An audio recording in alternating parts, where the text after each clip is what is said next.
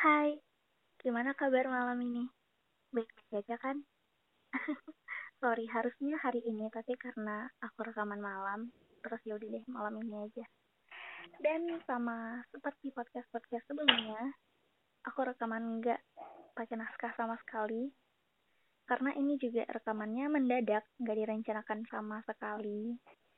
Jadi tadi lagi ngechat sama teman aku, yang kita tuh udah merencanakan buat rekaman dari lama.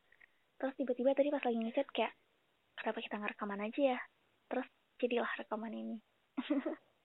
Yaudah biar nggak usah lama ya, kita panggil aja. Miranda. Halo Bella. Halo Bunga. Oke. Okay. Um, Sebenarnya perjalanan panjang sekali untuk rekaman podcast ini ya, karena dari tadi ada aja masalah. um, oh ya, Bella ini baru ulang tahun loh, yang ke 20 tahun, ya kan Bel? Iya Bunga, bener banget. Dan kamu, wishnya telat? Iya, jadi um, pas hari Bella ulang tahun itu, aku kan lihat dia bikin story, terus dia kayak ada story yang pakai bahasa Inggris, tapi aku lupa. Intinya gini, dia bikin kayak masa depan tuh udah dekat banget, tapi kayak masih nggak tahu harus apa gitu. Nah, jadi apakah yang seorang Bella Miranda rasakan ketika memasuki usia 20 tahun? Sampai bikin story kayak gitu. Hmm, aku ngerasain kayak umur 20 itu is not easy. Mm -hmm. Kayak kamu tuh bukan anak-anak lagi dan kamu juga bukan orang tua banget. Iya. Yeah. Kamu tuh kayak di pertengahan kayak kalau seandainya nih kamu beloknya jauh banget itu bakal salah dan bukan berarti kalau kamu beloknya betul banget juga bakalan betul 100%. Pasti banyak pertimbangan dan konsekuensi yang harus kamu hadapin.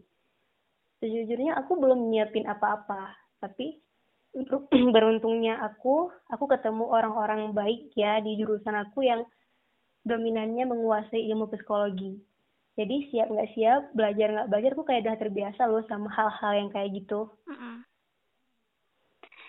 Dan nggak tahu ya um, mungkin kalau Bella kan baru mau masuk usia 20 tahun gitu. Kalau aku yang udah duluan juga aku ngerasa kayak ruang gerak aku di usia 20 ini itu banyak terhambatnya. Jadi kayak mau ngelakuin sesuatu aku takut orang bakal bilang kamu udah 20 tahun, kamu nggak pantas ngelakuin itu. Atau misalnya nih, aku mikir sesuatu terus aku kayak, oh ya aku 20 tahun, aku nggak boleh kayak gini. Dan itu kadang bikin apa ya, kayak overthinking yang aku udah 20 tahun, aku harus ngapain, aku harus siapin masa depan, aku harus bertindak layaknya orang yang usia 20 tahun dan kadang itu bikin kita nggak jadi diri sendiri. Ya nggak? Iya, Bung. Dan apa yang kamu udah sebutin tadi, kita emang ngerjain banget sama keadaan aku sekarang. Mungkin orang bakal ngira aku khususnya terlalu lebay untuk merayakan 20 tahun. Iya. Tapi aku juga nggak mendinai orang yang ngomong itu juga bakalan mikir kayak, men, gue udah 20 gitu. Pasti kayak, when udah jam 12 malam dan itu tepat di tanggal lahir kamu, beserta dua ke 20 tahunan kamu, lo bakal kayak apalagi malam ini ya bakal tidur ataupun terjaga dengan pikiran yang lama banget mikirnya what's gonna happen after gitu. Kayak kamu nggak tahu kamu kayak bingung juga sebenarnya. Tapi mungkin orang ya banyak yang udah bodo amat hidup ya jalan aja. Hmm. gitu. Nggak tahu sih aku kayak gak bisa membiarkan orang-orang dengan pemikiran seperti itu di hidup aku karena itu jadi kayak toxic gitu. Bahkan pas malam sebelum aku ganti usia aku nangis. Aku kayak aku nggak siap sama usia 20 tahun. Aku nggak siap dengan hal-hal yang bakal terjadi. Karena entah kenapa 20 tahun ini kayak benar-benar tahun transisi kita dari belasan ke puluhan. Di mana di sini yang kita harus siapin segala hal kayak masa depan cita-cita atau cinta. Hmm, benar sekali. Dan itu yang bikin ribet ya kayaknya sebenarnya masa depan. percintaan, pendidikan yang kita ngelihat di usia 20 tahun kebanyakan ya, apalagi yang liatin kita kan rata-rata usia 20 kan ya.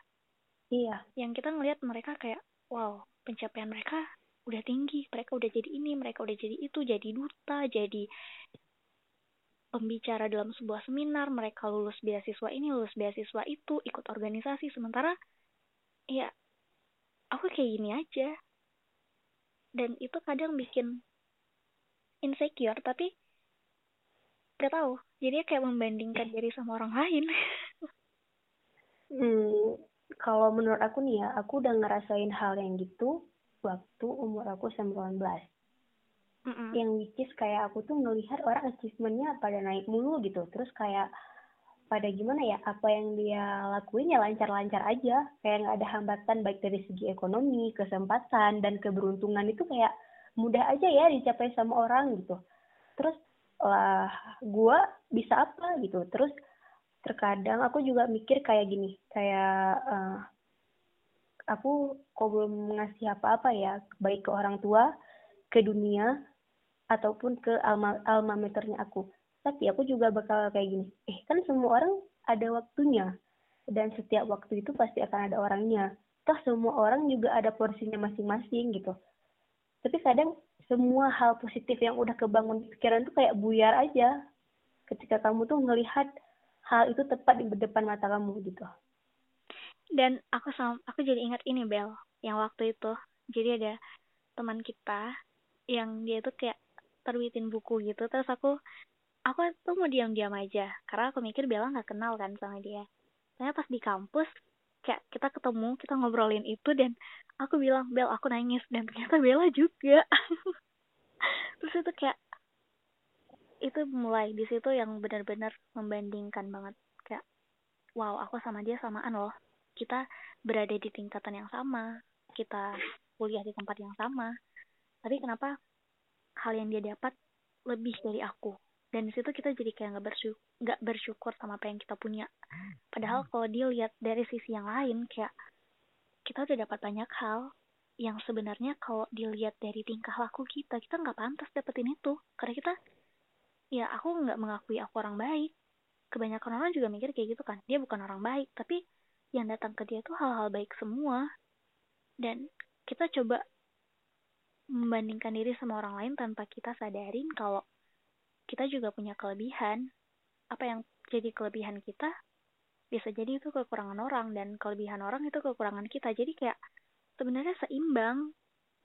Gak ada yang lebih hebat, gak ada yang lebih rendah. Sama aja. Tiap orang tuh berada di jalurnya sendiri. Mereka punya kehebatannya masing-masing. Cuman ya beda aja. Kan gak seru juga kalau samaan. Ya kan?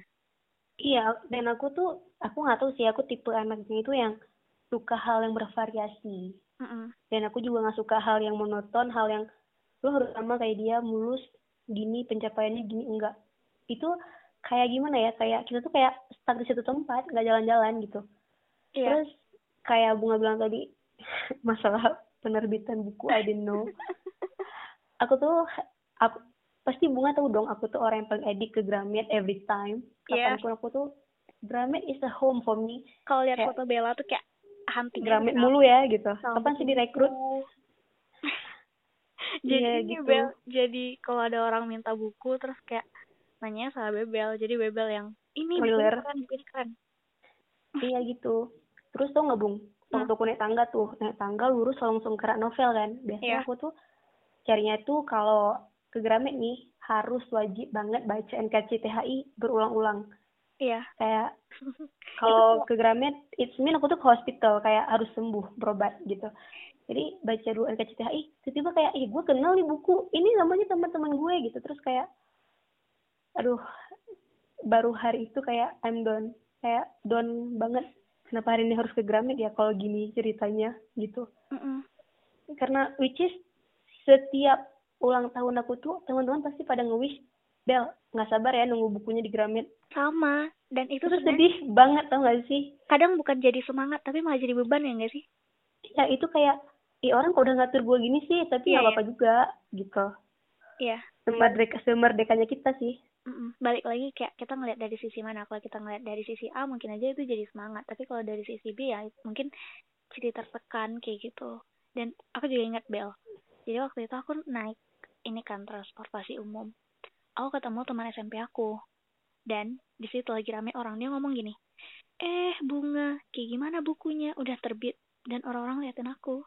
Di situ aku cuma diam aku nggak bisa jawab. Kayak kesel banget.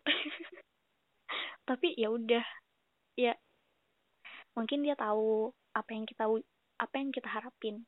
Dia juga berharap kita bisa mewujudkan itu. Bagus niat dia baik bagus niat ya, dia ya, baik memang tapi kadang di beberapa kesempatan itu malah bikin kita jadi kayak gak semangat ini nggak sesuai loh sama keadaan psikis aku hari ini gitu Mm-mm. padahal kita tadi mau bahas lain kan Iya sih, tapi ini sedih, Bung. Jujur ini sedih banget.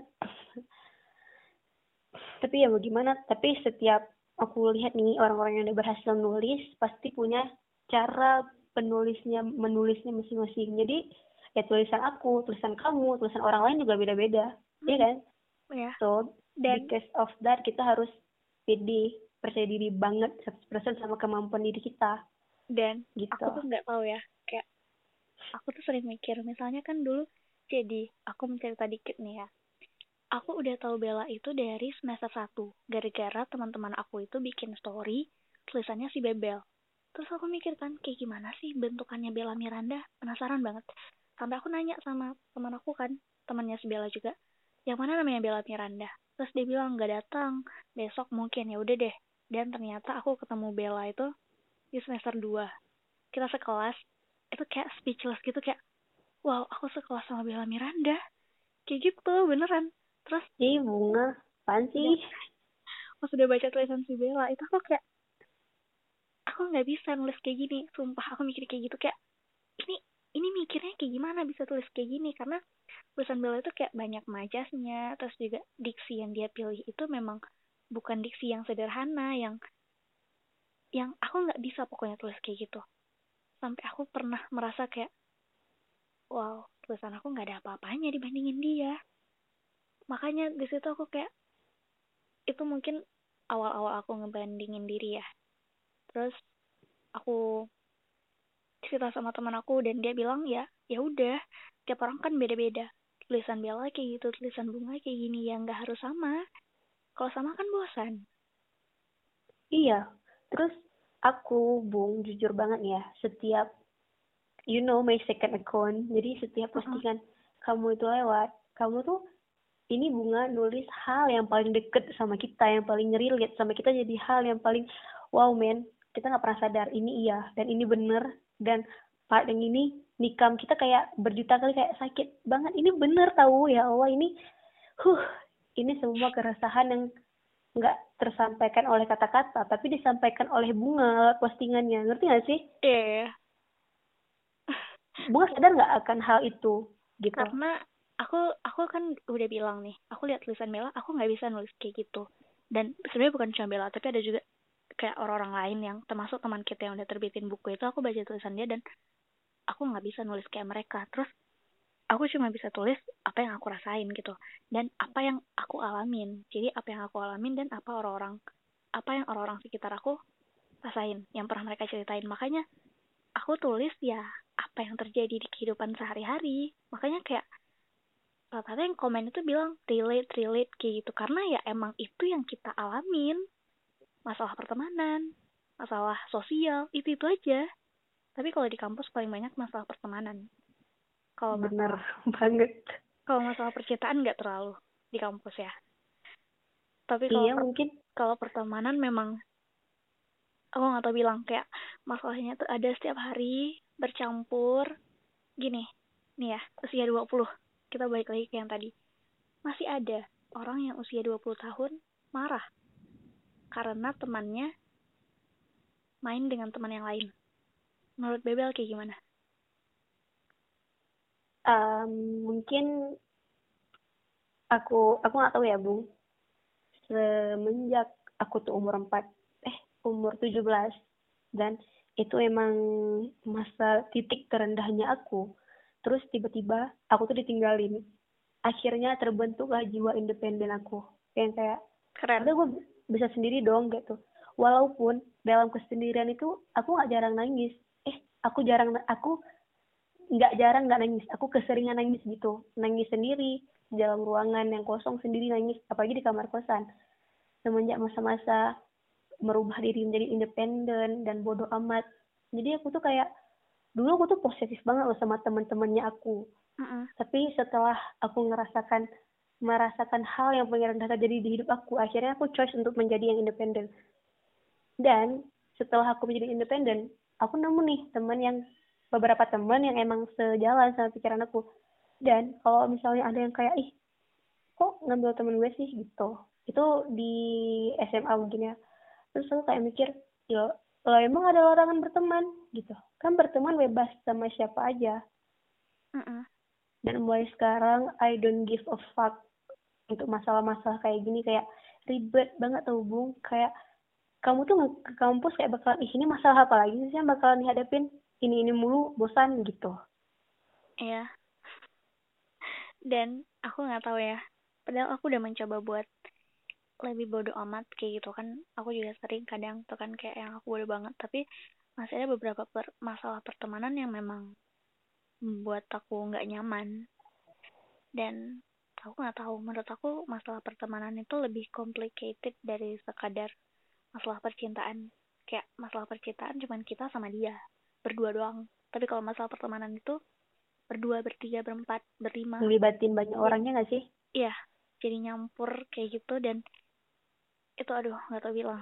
dan atmosfernya juga bisa berubah gitu aja loh bung kayak tinggal hidupin lampu tuh nyalain lampu switch hidup mati kayak emang on the spot langsung gitu terus for your information ya teman-teman aku ngelihat bunga ini orang yang independen banget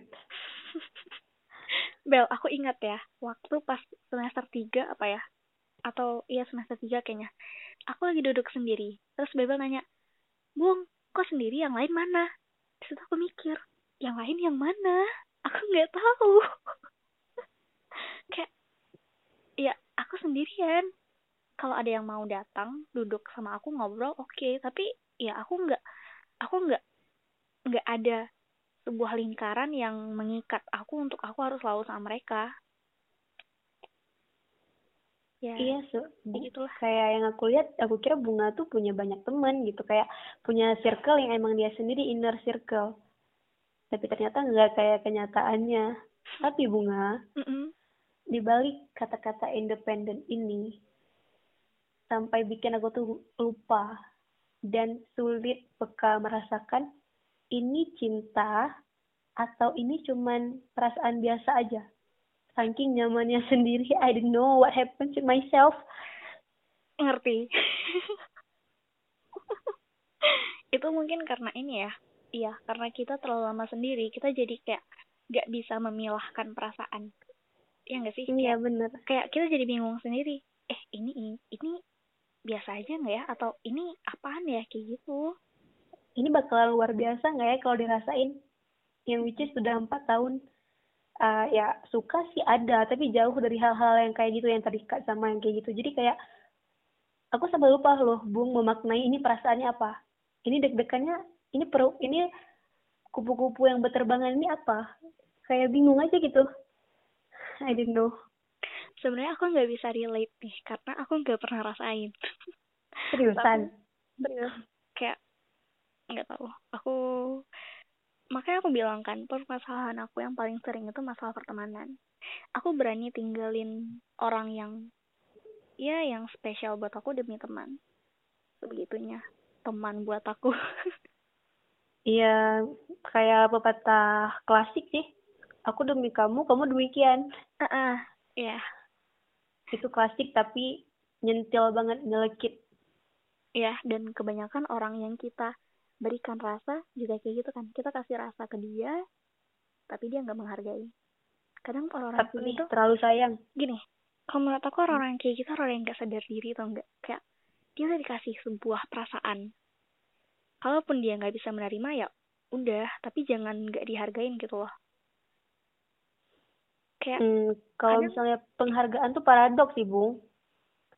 Mm, kalau dihargai takutnya berlebihan nggak dihargai ya salah dia juga gitu. Jadinya serba salah gitu ya. Iya bingung. Dan memang nggak ada hal yang benar-benar benar benar-benar salah. Jadi kayak seimbang gitu. Mm -mm. dan terus apa yang bakal Bebe lakuin dengan perasaan itu Sejauh ini aku belum nemuin cara yang tepat sih untuk menghandle perasaan aku sendiri. Ya kadang hmm, ya udah kalau memang memungkinkan kita jalan, kalau emang gak memungkinkan ya udah. Kayak kita tuh cuma ikut uh, tindakan semesta aja, merestui atau enggak gitu. mm -mm. Karena gitu? Ya. memaksakan kehendak tuh nggak pernah benar, itu nggak pernah jadi satu opsi yang tepat untuk keluar dari permasalahan yang kayak gini. Tapi untuk masa sekarang nih, untuk umur yang segini, when aku tuh udah kayak membuka membuka diri, ingin berbagi cerita, berbagi dunia kepada seseorang yang aku pilih, aku bakalan kayak let it flow aja. Kayak dia respect, aku juga bakal lebih respect. Tapi kalau emang dia sulit untuk respect, ya itu pilihan dia. Aku ikhlas dengan perasaan aku sendiri. Kayak egois aja sih. Ini perasaan aku. Kalau kamu nggak sama ya itu hak kamu juga gitu. Tapi pernah nggak perasaan itu justru bikin apa ya tergang bikin hari-hari bebel terganggu gitu? Atau misalnya kayak jadi ngelakuin sesuatu jadi nggak fokus karena kepikiran masalah itu kalau gitu itu sih dulu ya bung. Kayak sebelum aku tuh ketemu orang-orang hebat di jurusan aku kayak dulu setiap perasaan itu muncul setiap jatuh cinta itu kayak itu tuh kayak memakan setengah dari pikiran aku bahkan menguasai duniaku jadi toxic gitu. Toxic hmm. relationship yang seharusnya kamu tuh punya porsi sendiri yang harus kamu jaga sendiri dan itu nggak mungkin dijajah sama hal yang kayak gitu. Itu dulu. Tapi sekarang aku masih posisi yang sama dan lagi memulai untuk membuka hati aku nggak biarin tuh segala hal yang milik dia menguasai dunia aku. Tapi kalau kita mau share dunia bareng, ya jalan dong. Asik kan? Kalau dunianya bisa di-share bareng-bareng, gitu. Dan nggak boleh satupun menjajah daerah kekuasaan aku. Ini milik aku seutuhnya. Gitu loh, Bung. Iya, ngerti. Terus nih, kalau misalnya nih, orang yang bebel punya rasa itu, dia dengar podcast kita kali ini. Mau bilang apa? kalau aku kan nggak ada nih karena aku nggak relate karena aku nggak tahu jadi bebel aja bebel mau bilang apa apa mungkin buat orang-orang yang juga kayak bebel yang lagi ngerasain perasaan kayak gitu mau bilang apa hmm Iduh, jadi malu asli. Jadi uh, untuk kamu yang dengerin mungkin seseorang yang lagi sibuk banget nih jogging di kepala aku. Ataupun orang-orang yang senasib ya sama aku yang kita tuh mendam. Dan kita tuh nggak berani untuk aktif gitu loh untuk nge-share apa yang kita rasain. Hmm, ya udah deh ini menurut aku gini aja. Untuk kamu yang sedang mendominasi pikiran aku uh, terima kasih sudah hadir di dunia ini dengan segala kesederhanaan dengan senyum yang paling manis di dunia sumpah. Nggak ada yang bisa wakilin. Cuman oh boy sadari dong please. Sadari di sama senyumnya aja. Sama perasaan bebel sih terserah mau kapan. Uh, dan juga sam makasih banget udah udah tanpa nggak sadar nih kamu udah nge-influence aku positif vibes yang kayak kamu punya. Kamu tuh orang yang paling santai santai banget bahkan enjoy.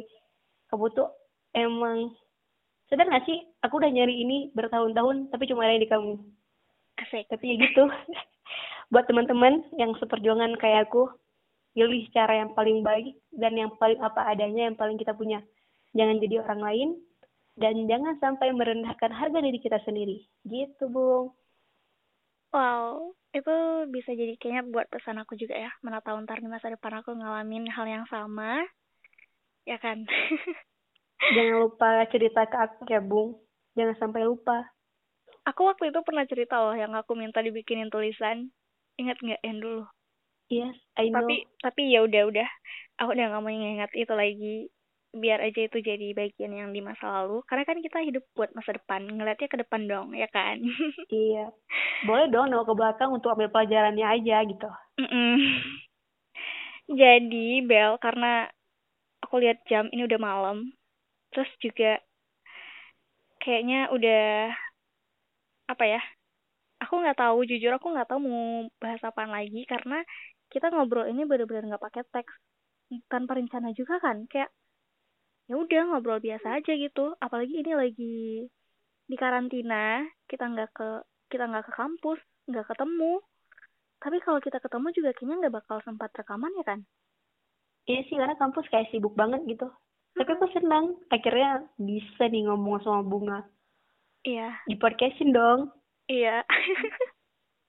Curhat tapi jadinya ke podcast ya. Aku enjoy banget loh bung cerita kayak gini. Makasih banyak. Iya aku juga makasih karena Bella udah mau deng udah mau jadi menemani aku. Bella ini orang pertama lah ya menemani aku rekaman podcast. Jadi keren Semoga banget dong gue. Oh iya Bella kan ngefans banget sama Angga Yunanda. Semoga di masa depan Angga bisa dengar podcast kita ya. Ya ampun Angga. Ya Bung, makasih. Amin. bucinnya Angga nih, bukan bucinnya yang lain. Ya udah, Um, makasih Bella udah menemani malam ini. Eh udah kebanyakan makasih ya nggak apa-apa. Iya, Dan ya, sama -sama semoga semoga kapan-kapan kita bisa rekaman lagi. Karena kan ini libur masih panjang ya kan. Iya. Nah, semoga kita bisa rekaman lagi. Terus juga semoga ada manfaat yang bisa kalian ambil dari omongan kita dari tadi. Yang aku juga nggak tahu kita bahas apa aja. Nanti aku coba denger ulang rekamannya. Dan jangan pernah bosan dengar suara aku. Sampai jumpa. Dadah.